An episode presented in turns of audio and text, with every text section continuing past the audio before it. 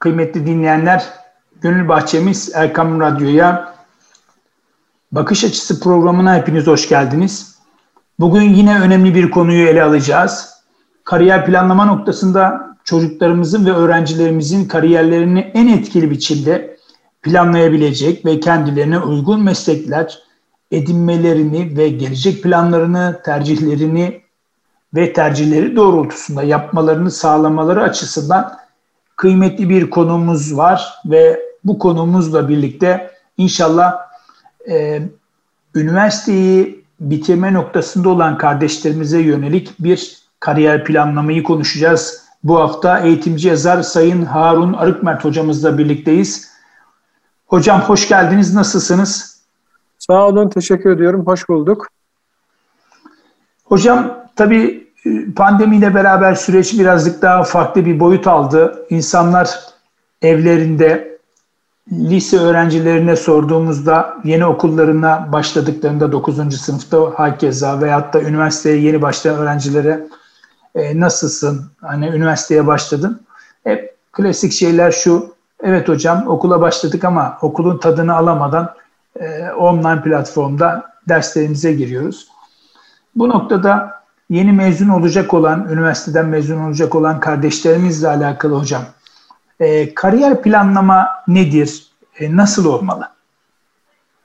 Evet, e, aslında son derece önemli konulardan bir tanesi. E, bunun lisede e, hatta daha erken yaşta e, bu süre geçmişse üniversitede en azından üniversite bitirmeden kesinlikle planlamanın yapılması ya da yapılması için destek alınması gerekiyor. Ee, biz bugün daha çok e, üniversite bitirmemiş ve üniversite okuyan gençler üzerinde konuşacak olursak onların bir hedefinin olduğunu varsayıyorum. Bu hedef çerçevesinde e, aslında kariyer planlama e, hedeflerimize ulaştıracak bir yol haritası olarak karşımıza çıkıyor. Yani bizim yol haritamız, bizim kariyer planlamamız e, ihmal edilen bir konu. E, herkesin kendine ait yetenekleri var, ilgi alanları var, becerileri var okuduğu bölüm var. Belki okuduğu bölüm meslek olarak seçebilir. E, belki e, yeteneklerine çok çok da uygun farklı alanlara geçiş yapabilir. E, bunun belki planlandığı, buna hedeflerin konulduğu yol haritasına biz kariyer planlama diyoruz. Evet, e, hocam burada tabii önemli noktalardan bir tanesi e, kariyer planlama ne zaman yapılmalı? Yani nelere dikkat edilmeli? Şimdi e, şayet burada ikiye ayırmak lazım. E, bir öğrenci e, üniversiteye geçiş yapmadan önce kendi ilgi alanlarına, yeteneklerine uygun bir bölüm tercih etmişse aslında kariyer planlamayla alakalı birinci basamağı fevkalade güzel bir şekilde yapmış demektir. Yani bu çalışmanın biraz daha lise yıllarında, ortaokul yıllarında yapılıyor ya da yapılmış olmasını bekliyoruz. Ee, hani ülkemizde bu tür konular biraz daha yeni. Yani şunu kastetmiyorum. Çok soru çözerek yüksek puanlı bölümü kazanmak başka bir alan. E, kendi ilgi alanlarına, yeteneğine, becerilerine uygun e, başarı sağlayabileceği bir bölümü, bir alanı seçmek başka bir alan. Bizim tercihimiz biraz daha bu alana odaklanacak bir e, kariyer planlaması. Burada şayet e, ortaokulda, lisede bunu gerçekleştirememişse e, bunu üniversite son sınıfa bırakmadan mutlaka üniversitenin birinci yılında, ikinci yılında mutlak manada böyle bir planlama yapmış olması lazım. Planlama kastederken planımız üniversiteyi dört yıl ya da iki yıllık bir fakü şey ise, ön lisans fakülte ise iki yıl içerisinde bitirmek değil, kastettiğim bu değil. Üniversite bitirdikten sonra o meslekle alakalı e, hangi merhalede neler yapması e, gerektiğine karar vermek, onunla alakalı bir yol haritasını çizmektir. Bu planlamanın yapılması lazım. E, bu planlama şöyle de yapılabilir. Bununla alakalı biraz araştırma yaparak kendi ilgi alanını, yeteneklerini tespit eden biri için e, buna uygun yol haritasını belki çok profesyonel olması da e, kişi kendisi çizebilir. Böyle bir şeyden biraz uzaksa bununla alakalı yardım alması da mümkün olabilir.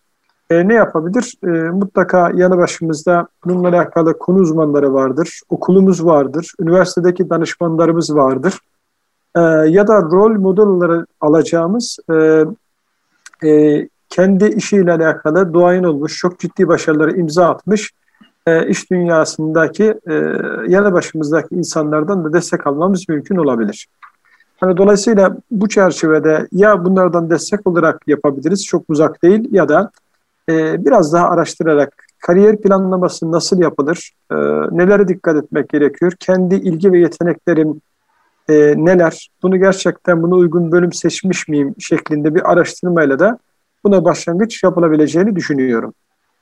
E, değerli hocam, hep genç kardeşlerimize büyüklerimiz, hocalarımız, duayenler hedef belirleyin, hedef belirleyin diyor.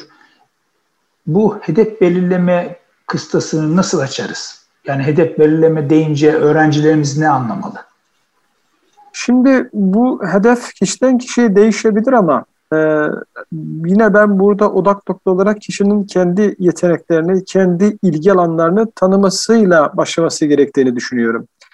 Eğer e, böyle bir tanımayı gerçekleştirebilirsek, kendi sınırlarımızı e, bu anlamda net olarak tespit etmemiz mümkün olursa, hedefimizi daha net bir şekilde ortaya koymamız mümkün olabilir. E, biz bu anlamda bir pedereciden ya da bu konularla ilgili uzmanlardan destek alıp kendi ilgi ve yeteneklerimizle alakalı bilgi sahibi olduğumuzda ya da kişi kendisini bu anlamda tanır, neye merakı olduğunu eğer bunu gerçekleştirebilirse gelecekle alakalı şu tür hedefler koyabilir. Yani çok para mı kazanmak istiyorum? Bir bilim dalında akademik bir kariyer mi yapmak istiyorum? Ee, bunu işte yurt içinden mi yapmak istiyorum yoksa yurt dışından mı yapmak istiyorum?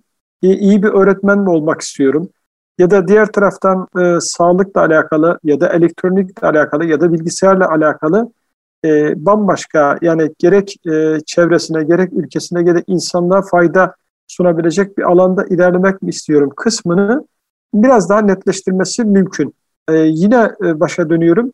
Kendi sınırlarımızı bilmezsek hedeflerimiz de bu anlamda küçülür. Yani e, daha global düşünmekten ziyade e, ülke olarak düşünürüz. Belki onun bir tık altında daha mikro ölçekte düşünürüz ama hedefimizi, kendimizi bu anlamda çok iyi tanıyorsak belki ölçeğimiz e, lokal bazdan biraz daha ulusal bazda olabilir. Hatta biraz daha büyütüp ülkemizi aşan e, dünyanın belki e, kendi işimizle alakalı işte yazılımdır ya da farklı alanlarda en iyi nerede eğitim alabilirim ya da insanlığa ne kadar çok faydalı olabilirim, ben bu kariyerimi burada gerçekleştirmek istiyorum gibi hedefleri ülke bazında, pozisyon bazında ya da çok zengin olmak istiyorsak A'yı, B ya da C işini seçip maaş odaklı hedef belirlememiz mümkün. Tüm bunların ötesinde dediğim gibi bunları da göz ardı edip e, daha çok e, insanlığa faydalı olmak istiyorsak, ülkemize faydalı olmak istiyorsak belki işin bu kısmına odaklı biraz hedef çizmemiz mümkün. Yani hedefler kesinlikle birbirinden farklı olabilir.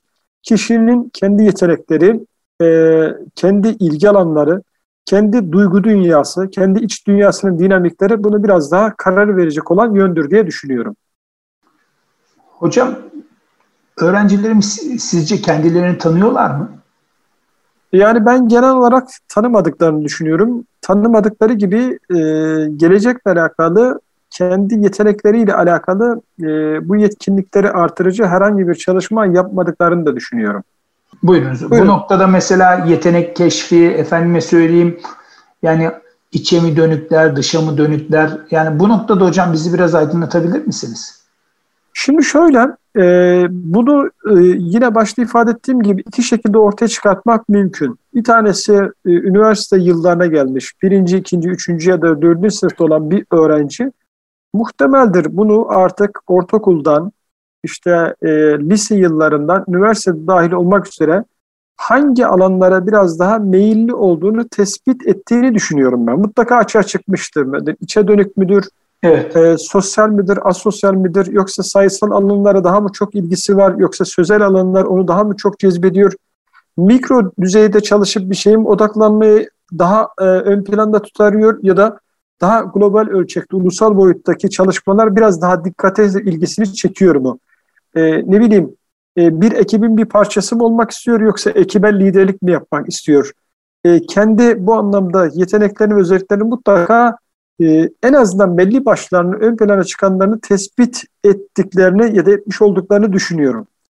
E, fakat kişiler kendinden emin değilse bununla alakalı e, özellikle psikologların, federecilerin e, bu literatüre girmiş birçok e, testi var. Onlar bazı testlerden geçiriyorlar. Bizim belki biraz daha e, e, baskın dediğimiz ön plana çıkmış olan yeteneklerimizi, özelliklerimizi tespit etmekle birlikte biraz daha e, geri kalmış, daha böyle resesif, çekinik dediğimiz yeteneklerimiz de bu vesileyle görme, tanıma ya da böyle bir yeteneğimizin olduğunu bilme fırsatı sunabilir. E, benim şahsi kanaatim e, bizim aslında baskın olan e, yapımızı yani öne çıkan e, dominant karakterlerimizi, e, yeteneklerimizi biz biliyoruz ama daha böyle göze e, e, ilerleyebileceğimiz e, e, ya da daha böyle gizli kalmış yeteneklerin de uzman desteğiyle açığa çıkartılmasını faydalı olacağını düşünüyorum. E, değerli hocam, şimdi üniversiteyi bitirme noktasına gelmiş kardeşimiz. Üniversite bittikten sonraki süreçte yani nasıl bir planlama yapmalı? Türkiye içerisinde mi bu planı yapmalı veyahut da yurt dışı planları mı yapmalı? Tabii ki kişiden kişiye değişebilir ama hani bunun bir süreci var ya bu süreçte yurt içinin insana bir katma değeri söz konusu amenna ama yurt dışının da ciddi anlamda bir e, katma değeri var. Yani evet bu süreçlerde mesela kişilik envanteri testleriyle, iletişim becerileriyle mi kendisinin yol alması lazım? Yani hem Türkiye'de hem dışarıda hani Hazreti Mevlana buyuruyor ya e, bir pergel gibidir insanoğlu diyor. Sabit değerleri vardır. Din, kültür, ondan sonra toplumun değerleriyle birlikte sabit bir ayağı vardır ve diğer ayağıyla tüm dünyayı dolaşır. Oradaki güzellikleri, oradaki kaliteli işleri alır ve gelir kendi üst ülkesinde kendi insanlığı için çalışır gayret gösterir. Tabii pandemiyle beraber e, kapılar kapalı ancak e, bundan sonraki süreç inşallah düzeleceğini de ümit ediyoruz ve dua ediyoruz. E, yurt dışı anlamında kariyer noktasında hocam bizi biraz aydınlatabilir misiniz? Şimdi e, söylediğiniz konu bir tercih konusu. Yani bir öğrenci üniversiteyi bitirmeden önce bundan sonraki kariyerini e, kendi yaşadığı şehirde ya da ülke içerisinde gerçekleştirebileceği gibi e, yurt dışında kendi alanıyla alakalı e, yani dünyanın hangi ülkesi bu anlamda kendine bir katma ders sağlayacaksa bu tür tercihlerde yapabilir. Ancak şöyle bir durum var.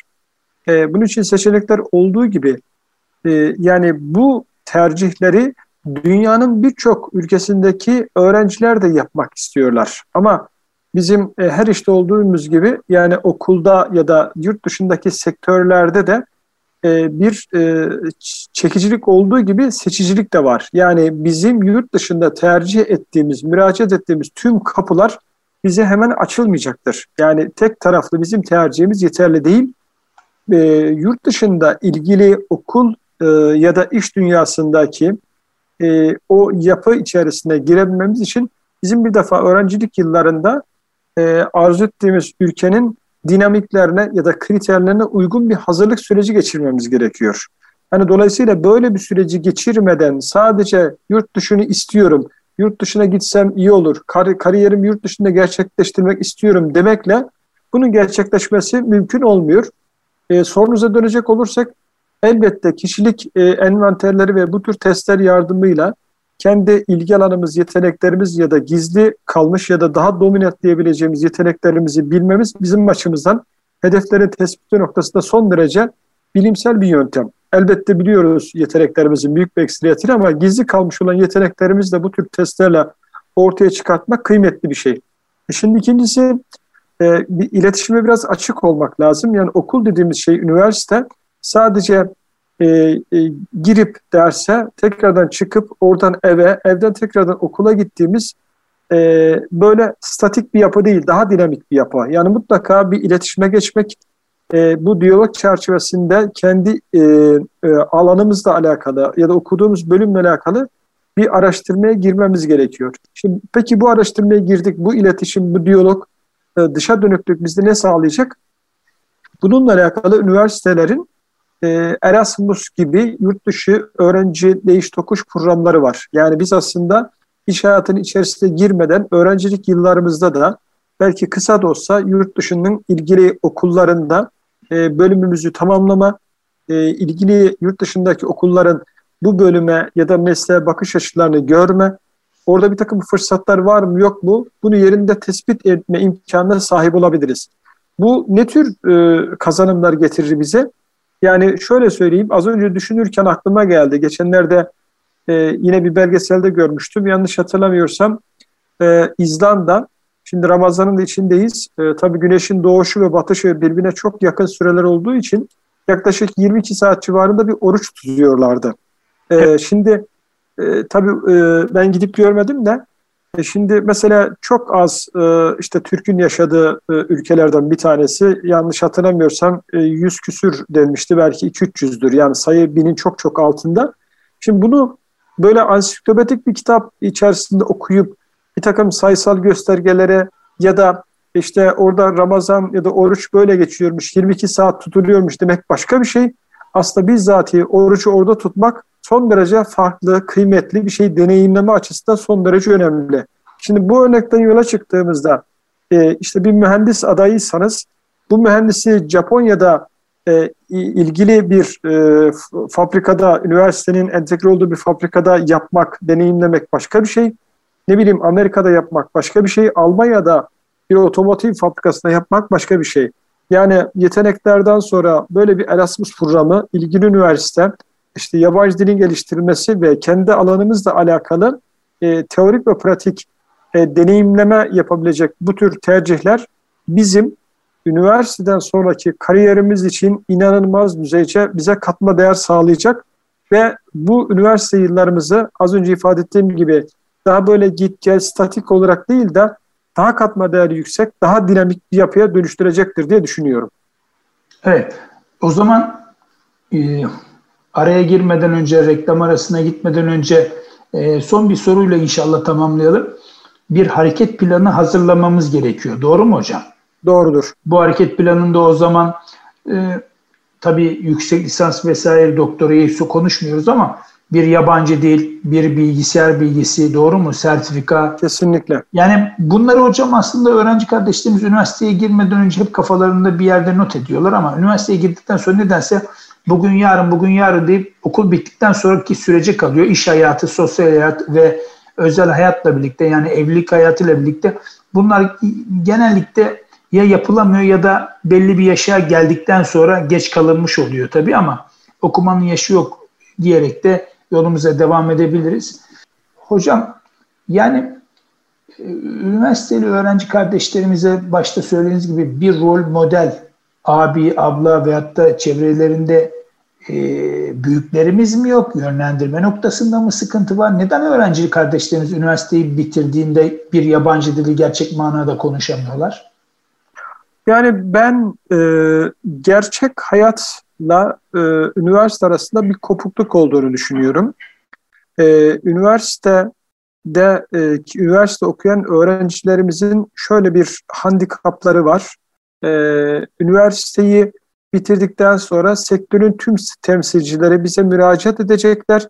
Biz de o e, sektörden ya da fabrikalardan bölümlerden birini biz kendimiz tercih edeceğiz gibi bir yaklaşımları var. Bir defa böyle bir dünya yok.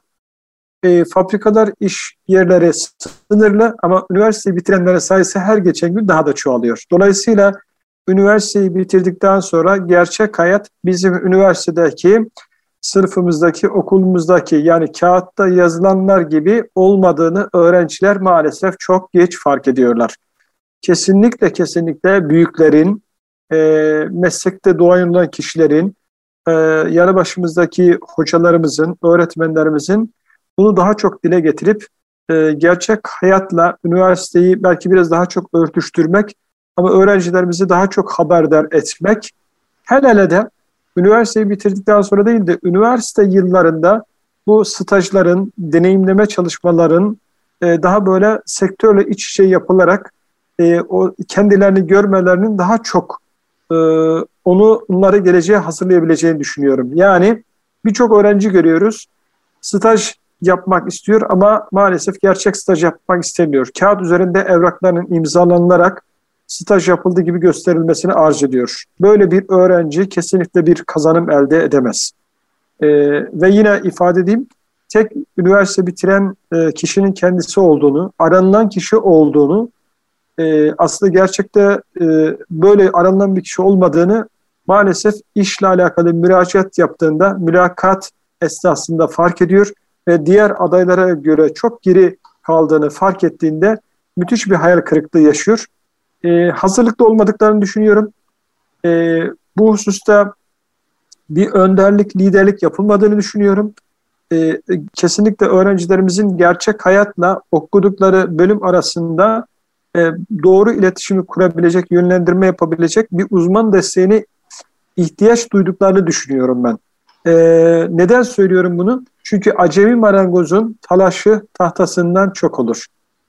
Yani acemice yaptığımızda ortaya e, bir ahşaptan şaheser çıkmak yerine maalesef talaş ortaya çıkıyor. Talaş da biliyorsunuz oradaki heykel ya da bir ürün kadar kıymeti yok. E, maalesef talaş dediğimiz kısma dönüşüyor ki bundan ben çok fazla olduğunu, öğrencilerimizin de çok hayal kırıklığı yaşadığını düşünüyorum. Hazırlıklı olmak lazım. Değerli hocam e, çok teşekkür ediyoruz. Sevgili dinleyicilerimiz kısa bir aradan sonra programımıza kaldığımız yerden devam edeceğiz. Kıymetli dinleyenler, Bakış Açısı programına tekrar hoş geldiniz. E, Harun Arıkmet hocamızla beraberiz, eğitimci yazar. E, kariyer planlamayı konuşuyoruz. E, değerli hocam, tabii biz sizi yakından takip ediyor ve tanıyoruz. Türkiye'nin önemli noktalarında, en önemli şirketlerinde görev aldınız, danışmanlıklar yaptınız, büyükşehir belediyeleriyle e, çalışmalar yapıyorsunuz. Belki de tek bir soruyla bu bölümü doldurabileceğimize inanıyorum. E, çok da şikayet var bu noktada. Yani öğrencilerin mezun olduktan sonra az evvel söylediğiniz gibi yani e, sadece kendisinin arandığı gibi bir hava var. Mülakata gelecek olan kişi nelere dikkat etmeli? Bu birinci soru. İkinci soru hocam eleme yaparsanız en çok neden eleme yapıyorsunuz? Yani bu iki soru çünkü siz mülakatlara da girdiğinizi biliyoruz. Hocam detaylı bir şekilde bizi aydınlatırsanız çünkü burada sadece bizi e, öğrenciler dinlemiyor. Velilerimiz de var, anne babalarımız var. Buyurunuz değerli hocam. Ee, üniversite mezunlarımız da vardır muhtemelen. İş arayan Mutlaka. arkadaşlarımız da vardır. Mutlaka. Çünkü hayatımızın bir parçası. Burada nerede ne kadar çok yanlışlık yapıyoruz ya da bizden en çok insan kaynakları uzmanları e, hangi kısımda not kırıyor, niçin e, farklı adaylar ön plana çıkıyor kısmına biraz daha odaklanmak istiyorum. Çünkü çok fazla e, ben mülakatta bulunuyorum. E, işte binlerce mülakat yaptım. E, Birçok farklı pozisyonla alakalı. Şimdi biz neye bakıyoruz? Az önce e, birinci kısımda sorularınızdan bir tanesi buydu. E, üniversite lisansı bitirmiş bir öğrenci, herkes şunu bekler. Lisansı bitirmiş olan bir öğrencinin deneyimsiz olmasını bekler. E, şimdi biz deneyimli olabilmek için CV'mizi üniversite bitirir bitirmez biraz daha dolu gösterebilmemiz için bir defa 4 yıllık süre içerisinde bunun içini doldurmamız lazım. Yani ne demek istiyorum? Tamam biz bir elektrik elektronik mühendisi bölümünü bitirmiş olabiliriz. Elimizde bir lisans diploması var ancak bu bölümün içeriğine uygun alan içi ya da alan dışı diyebileceğimiz e, mesleki gelişimimizi artıracak alan içi, alan dışı dediğimizde de iletişim, takım çalışması, e, dikkatimiz, e, hedef odaklı çalışma, problem çözme gibi e, kendi e, işimizle ve hayatımızla ilgili alan dışı sertifikaları alarak bir anlamda yetkinliğimizi artırmamız gerekiyor. Yani e, girmeye çalıştığım e, elektrik elektronik mühendisi pozisyonu için adayları e, bir adım önemine geçebilmek için biz alan içi ya da alan dışı ayrıca da bir sertifika çalışmalarına katılmış mı? Bununla alakalı kendine yatırım yapmış mı? diye özellikle bakıyoruz. Bunların her biri alan içi olanlar bizim için 2 puan, alan dışı olanlar da 1 puan olarak mutlaka artı olarak hanesine yazılıyor. Bu bir. İkincisi, ikinci sorduğumuz bir çalışma. Burada e, yöneticiler ya da firmalar ya da kurumlar şuna bakıyor. E, global bir dünyada yaşıyoruz. İnternetle dünya biraz daha küçülüyor. Mutlaka bizim için e, belki kendi mesleğimize uygun olan dili de ayrıca tercih edebiliriz ama ee, bir yabancı dili mutlaka iyi derecede okuyup konuşup e, yazabilen bir şekilde e, bu yetkinliğimizi artırıyor olmamız lazım. Yine adaylara baktığımızda işte okuması, yazması ya da speak dediğimiz konuşması e, ne düzeyde diye bununla alakalı bir sertifikası ya da puanlaması var mı diye özellikle de soruyoruz. e, bu eğer aday için İngilizce bir kriter olmasa da onun İngilizce biliyor olması ya da Almanca biliyor olması bizim için yine e, olumlu olarak e, kendi hanesine bir katma değer puan olarak yazılıyor. Şimdi bu kısım bizim bu alanımız. E, üçüncü bir okur yazarlık daha istiyoruz. Yani artık vazgeçilmez olan şeylerden bir tanesi de bilgisayar okur yazarlığı. Yani bilgisayarda hangi programları kullanıyor ve kullanma düzeyi, seviyesi nedir? Yani insanlar bazen şunda takılıyorlar. İnternette işte browser açarak e, bir şeyler aratmak eşittir bilgisayar kullanmak değildir. Yani mutlaka kendi bölümümüzle alakalı e, bazı programları bu anlamda ne kadar iyi düzeyde kullanıyoruz ve ne tür çıktılar elde edebileceğimizi mülakatı yapanlar ya da e, o pozisyonla alakalı konu uzmanları bekliyorlar. Dolayısıyla öncelikli olarak sıralayacak olursak e, lisansımız hemen arkasında İngilizce ile alakalı e, bir yetkinliğimiz, bir okuma, yazma, konuşma düzeyi hemen altında da bilgisayarla alakalı bilgimizi konu uzmanları çok önemsiyor. Şimdi bu yeter şart değil. Bunun hemen altında e, biz bir bilgisayar değiliz. Mutlaka bir ekiple çalışıyoruz. E, konuşma esasında konuşmamızı çok düzgün tutmamız, iyi Türkçeyi kullanmamız, buna göre hazırlıklı olmamız gerekiyor. Ekip ve takım çalışmasına uyumluluğumuz, e, dikkat katsayımızın yüksekliği, hedef odaklı çalışma gibi kavramların altını doldurabilecek sorulara da hazırlıklı olmamız gerekiyor. Mesela birkaç örnek vereyim ben bu ikisinden yola çıkarak. Bu arada en önemlilerden bir tanesi de e, şey e, yani bizim halihazırda şu bir önemli. Mülakat gününe, mülakat saatine hazırlık, hazırlığı zihnen ve bedenen yapmak lazım. Yani evet. zihnen soruları hazırlıklı olmak lazım. Belki provasını yapmak lazım. Bedenen de kılık kıyafetimize bu anlamda dikkat etmemiz gerekiyor. Ee, çok ilginçtir. Benim yine e, bu bir buçuk iki aylık süre içerisinde e, bir e, mülakat, seçme, yerleştirme, assessment süresi içerisinde e, bir e, Arapça bilen hatta e, iki üniversite mezunu e, ve e, Arapçası da ülke içerisindeki ilahiyetten değil, Suudi Arabistan'da okumuş bir gençle ben mesela mülakat yapmıştım. Mesela hiçbir CV hazırlığı yoktu. Yani kendi yetenekleri, özellikleri, diğer adaylara göre farkını ortaya koyabilecek hiçbir hazırlık yapmamıştı. Çok ciddi manada bizden eksi puan aldı. Yani biz ondan sorularımızı tek tek kendimiz sorup böyle ağzından o lütfederse e, alıyorduk. E, ikinci en önemli şey e, e, giyimine hiç dikkat etmemişti. Eşofmanla gelmişti. Bir, müthiş bir hayal kırıklığı yaşandı. Çünkü mülakatta dört e, ayrı uzman vardı. Ve dördünden de bu hususta yani ciddiyetsiz yaklaşımından dolayı eksi puan almıştı. Yani aslında temele baktığımızda kişi e, yurt dışında tahsil yapmış, e, belli kitapların çevresinde bulunmuş, belli alanda bir e, ciddi bir belki vakıfiyatı var, e, derinliği var. Ama e, mülakat esasındaki yaklaşımı, duruşu, saate dikkat etme işi, buradaki usul kısmı bizi biraz endişelendirmişti ki biz mülakat dosyamıza bu endişelerimizi de dile getirip e, bir puanlama yapmıştık. E, dolayısıyla aynı kategoride, aynı standartlarda ikinci bir aday gelse, bakın standartlar olarak söylüyorum, onun belki e, giyimi e, daha düzgün olsa, saatinde ve zamanında gelse, doğru CV'yi hazırlayıp ona uygun bir çalışma yapmış olsaydı belki bizim için o daha geçerli olacaktı. Mesela hemen aklıma geldiği için söylüyorum. E, tabii bazı çalışmalar uygulamalı e, ön teorikten sonra e, bir e, kamyon şoförü normalde ehliyet sahibi.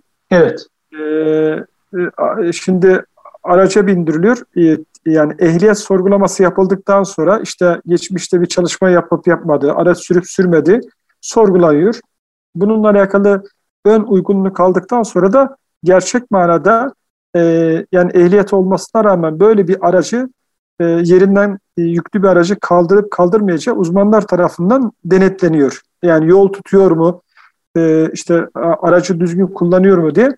Şimdi bize verilen e, çıktılara baktık. Şimdi araca biniyor, e, emniyet kemerini bağlamıyor. E, bindikten sonra koltuğunu ayarlamıyor. Sonra e, dikiz aynasını kontrol etmiyor çünkü aynaları kendilerine göre yapması gerekiyor. E, tüm güvenlikle alakalı hiçbir kaydı ve kurala uymuyor ve e, zaten de kaldıramıyor, e, zor kaldırıyor. E, sonra da bir şaşkınlık yaşıyor ve sonuçta diyor ki neden elendim? Benim işte şeyim de vardı, e, ehliyetim de vardı. İşte diyor ben acaba ne tür hata yapmış olabilirim diyor. Yani dokuz kusurla hareketin sekizini yapmış oluyor aslında da farkında değil. Şimdi evet. kişi emniyet kemerini takmazsa, işte koltuğunu ayarlamazsa, dikiz aynasına bakmazsa, e, o güvenli sürüşle alakalı o yapıyı e, gerçekten yerine getirmedi takdirde büyük bir hayal kırıklığı yaşayacaktır. Mesela yine ilginç örneklerden bir tanesi veriyorum. Niçin elendiğini göstermek mahiyetinde. E, mesela e, biz Anadolu Ajansı'nın işte sosyal medya uzmanıyla alakalı bir görüşmemiz vardı.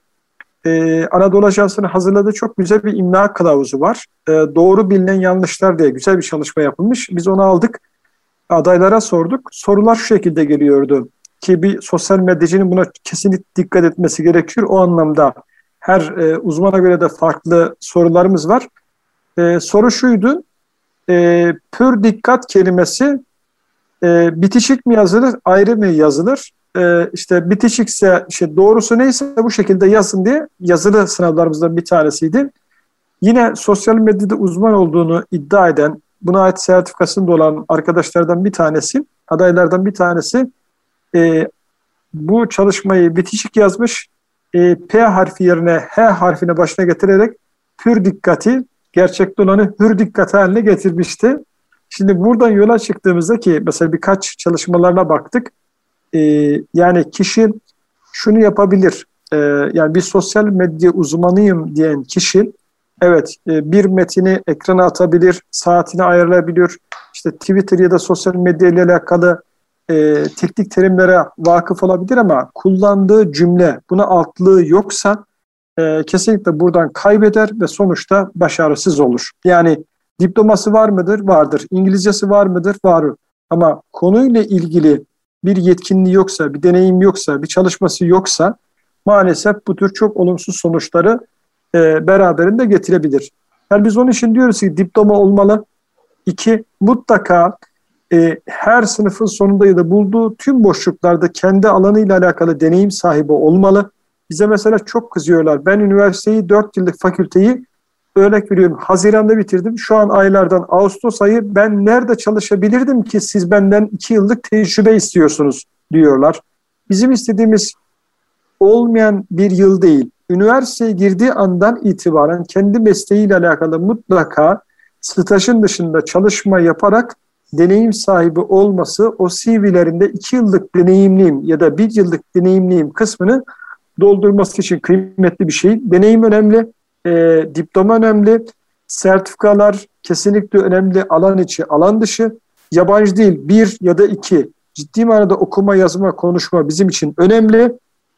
Dolayısıyla e, tüm bunları yaptıktan sonra e, işte Türkçeyi doğru kullanmak, ekip, takım çalışması, uyumlu çalışma gibi kavramları da bu anlamda yana başına getirdiğinde mesleki yetkinlik ya da sorumluluk. Biz mesela şunu da soruyoruz. Şu ana kadar herhangi bir konuda sorumluluk aldınız mı diyoruz.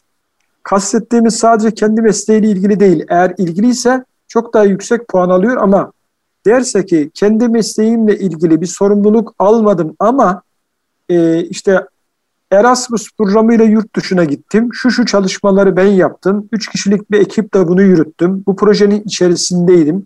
Şöyle bir sivil toplum örgütünün içerisinde bu çalışmaları yaptım. Şundan sorumluydum gibi çalışmaları yapmışsa da buradan da ciddi manada puan alarak aynı yarışa girdiği tüm adayların büyük bir eksiliyetini geride bırakıyorlar. Ee, değerli hocam. Bir yerden, evet bir yerden kaybetmiyorlar e, birçok küçük başlıktan kaybettikleri için farkında değil maalesef yarışta geri kalıyorlar. Değerli hocam yani verilen örnekler çok önemli e, zihinsel süreçten geçmesi anlamında. Pekala bu yapılan mülakattaki hataları yapan bu arkadaşlar veyahut da buna benzer düşüncede olan arkadaşlar özgüven çok mu yüksek hocam? Ondan mı yani ben varım başkası yok anlamında mı böyle dikkatsiz davranıp da mülakata geliyorlar? Siz ne düşünüyorsunuz? Yani bu özgüvenin yüksekliğinden kaynaklandığını düşünmüyorum. e, üniversitede okurken gerçek hayatın bu kadar zor, e, yani bu tabiri ne kadar kullanabiliriz bilmiyorum, biraz acımasız, sert, e, çok fazla seçici geçirgen, e, çok ciddi e, analizlerden, süzgeçlerden geçiren bir yapı olduğunu hiç kimse neredeyse anlatmamış onlara. Yani biraz daha böyle e, yani karşıda bir deniz olduğunu düşünmemiş. Yani çok çabuca yüzerek geçebileceğini, hatta yüzmesine gerek kalmadan derinlikte olmadığını düşünerek kendini hazırlamış ve ilk bu anlamda müracaat ettiği bir e, iş yerinden e, iş yerinin kapısının kapanması, oradan red alması, hele de bunun birkaç defa üst üste olması bu gençlerimizde çok ciddi manada bir hayal kırıklığı yaşatıyor. Ve o zaman diyor ki eyvah benim demek ki yabancı dili öğrenmem gerekiyor. Bu ciddi bir istekmiş. Hatta ikincisini istiyorlar diyor. Bana içeride alanınla alakalı alan içi ya da alan dışı sertifikalar aldın mı? Şu şu şu programları kullanıyor musun diye sordular. E ben diyor şaşırdım. Halbuki diyor üniversitede bu tür programları bize göstermediler diyor. Yani aslında düşündüğü şey üniversite onu alacak, gerçek hayata hazırlayacak, üniversiteyi bitirdikten sonra da o iş yeri seçecek. Böyle bir dünyanın olmadığını maalesef e, bu mülakat esnasında iş ararken çok acı bir şekilde yaşıyorlar. Biz de diyoruz ki böyle bir hayal kırıklığı yaşamamak için bu son derece ihmal edilmeyecek kadar ciddi bir konu, önemli bir konu. E, bu hazırlığımızı, kariyer planımızı en başa dönelim. Sayılı gün çabuk geçer. Dört yıllık bir fakültenin birinci yılında bunu kendimize yani e, yapılması dört yıla bırakmadan şimdi önemli bu anlamda e, kılıp tutup e, birinci sınıftan başlamamız gerektiğini hem göstermek hem öğretmek hem de olumlu modellerle modellemek gerektiğini biz düşünüyoruz, önemsiyoruz. Bu hususta e, benim şahsen e, şöyle bir e, eleştirim de var. Belki tüm hepsi yapmıyor da e, üniversitedeki akademisyenlerin de e, ben e, gerçek hayatla, iş dünyasıyla e, birebir örtüşen çalışmaların e, bazılarının biraz uzak kaldığını düşünüyorum. Yani her şey kitapta yazıldığı gibi olmuyor. Yani işin teorisi bizim için önemli. Evet. Orada da pratik bilgiler veriyorlar. Hepimiz okuduk, biliyoruz. Ama gerçek hayat noktasında hazırlığımızın buna biraz daha uygun yapılması gerekiyor. Bunu da en iyi modelleyebileceğimiz, deneyimleyebileceğimiz, yetkinliği artırabileceğimiz yerler bizim e, staj yaptığımız, hatta gönüllü olarak çalıştığımız, bakın şu çok önemli, illa bir yerden para almak zorunda değiliz. Yani bir kişi bir meslekle alakalı bize bir şey öğretiyorsa, o öğrettiği son derece kıymetlidir. Gerekirse onun yanında ücretsiz bile çalışıp onun tecrübelerinden istifade etmek çok kıymetli bir şey. Yani bunu biz birinci, ikinci, üçüncü, dördüncü sınıfta gerçekleştirirsek e, bir mülakata girdiğimizde alan içi, alan dışı evet sertifikalarım var. Yabancı dil evet iyi derecede biliyorum. Yurt dışı tecrübeniz evet Erasmus programlarıyla yurt dışına gittim. E peki e, dönem içerisinde staj dışında çalıştınız ve evet şu şu şu firmalarda şu çalışmaları yaptım. Burada e, bazı sorumluluklar aldım. E peki farklı projeleri yaptınız mı? Evet bunlara bunlara katıldım. Bu ekiplerle çalıştım. E, her soruya bu şekilde bizim e, altı doldurabilecek cevabımız olduğunda inanın bin tane aday da girse bu bahsettiğim e, sorulara evet ve altını doldurarak cevap veren arkadaşlar açık ara e, iki kişi alınacaksa, üç kişi alınacaksa o üç adaydan açık ara mutlaka birinci olacaktır diye düşünüyorum. Aksi takdirde e, ilk defa sorularla orada karşılaşmış olacaklar. Bu da onlarda ciddi bir hayal kırıklığı yaşatacaktır. E, değerli hocam çok teşekkür ediyoruz. Yani verdiğiniz bilgiler çok önemli, kıymetli. E, hem mezunlarımız için hem efendime söyleyeyim işverenler açısından, veliler açısından çok önemli. Kıymetli Harun Arıkmet hocamıza teşekkür ediyoruz. Bize vakit ayırdıkları için. Hocam çok teşekkürler. Allah razı olsun. Bugün kariyer planlamayı konuştuk. Gönül Bahçemiz Erkam Radyo'da bir bakış açısı programımızın daha sonuna gelmiş bulunuyoruz. Efendim programımıza göstermiş olduğunuz ilgiden dolayı ayrı ayrı hepinize teşekkür ediyoruz. Kaçıran veya tekrar dinlemek isteyen dinleyicilerimiz için erkamradyo.com internet sitemizden hem bu programımızı hem de geçmiş programlarımıza ulaşabilirsiniz. Haftaya aynı gün ve saatte yeni bir konu ile huzurlarınızda olabilmek duasıyla kulağınız bizde olsun. Allah razı olsun.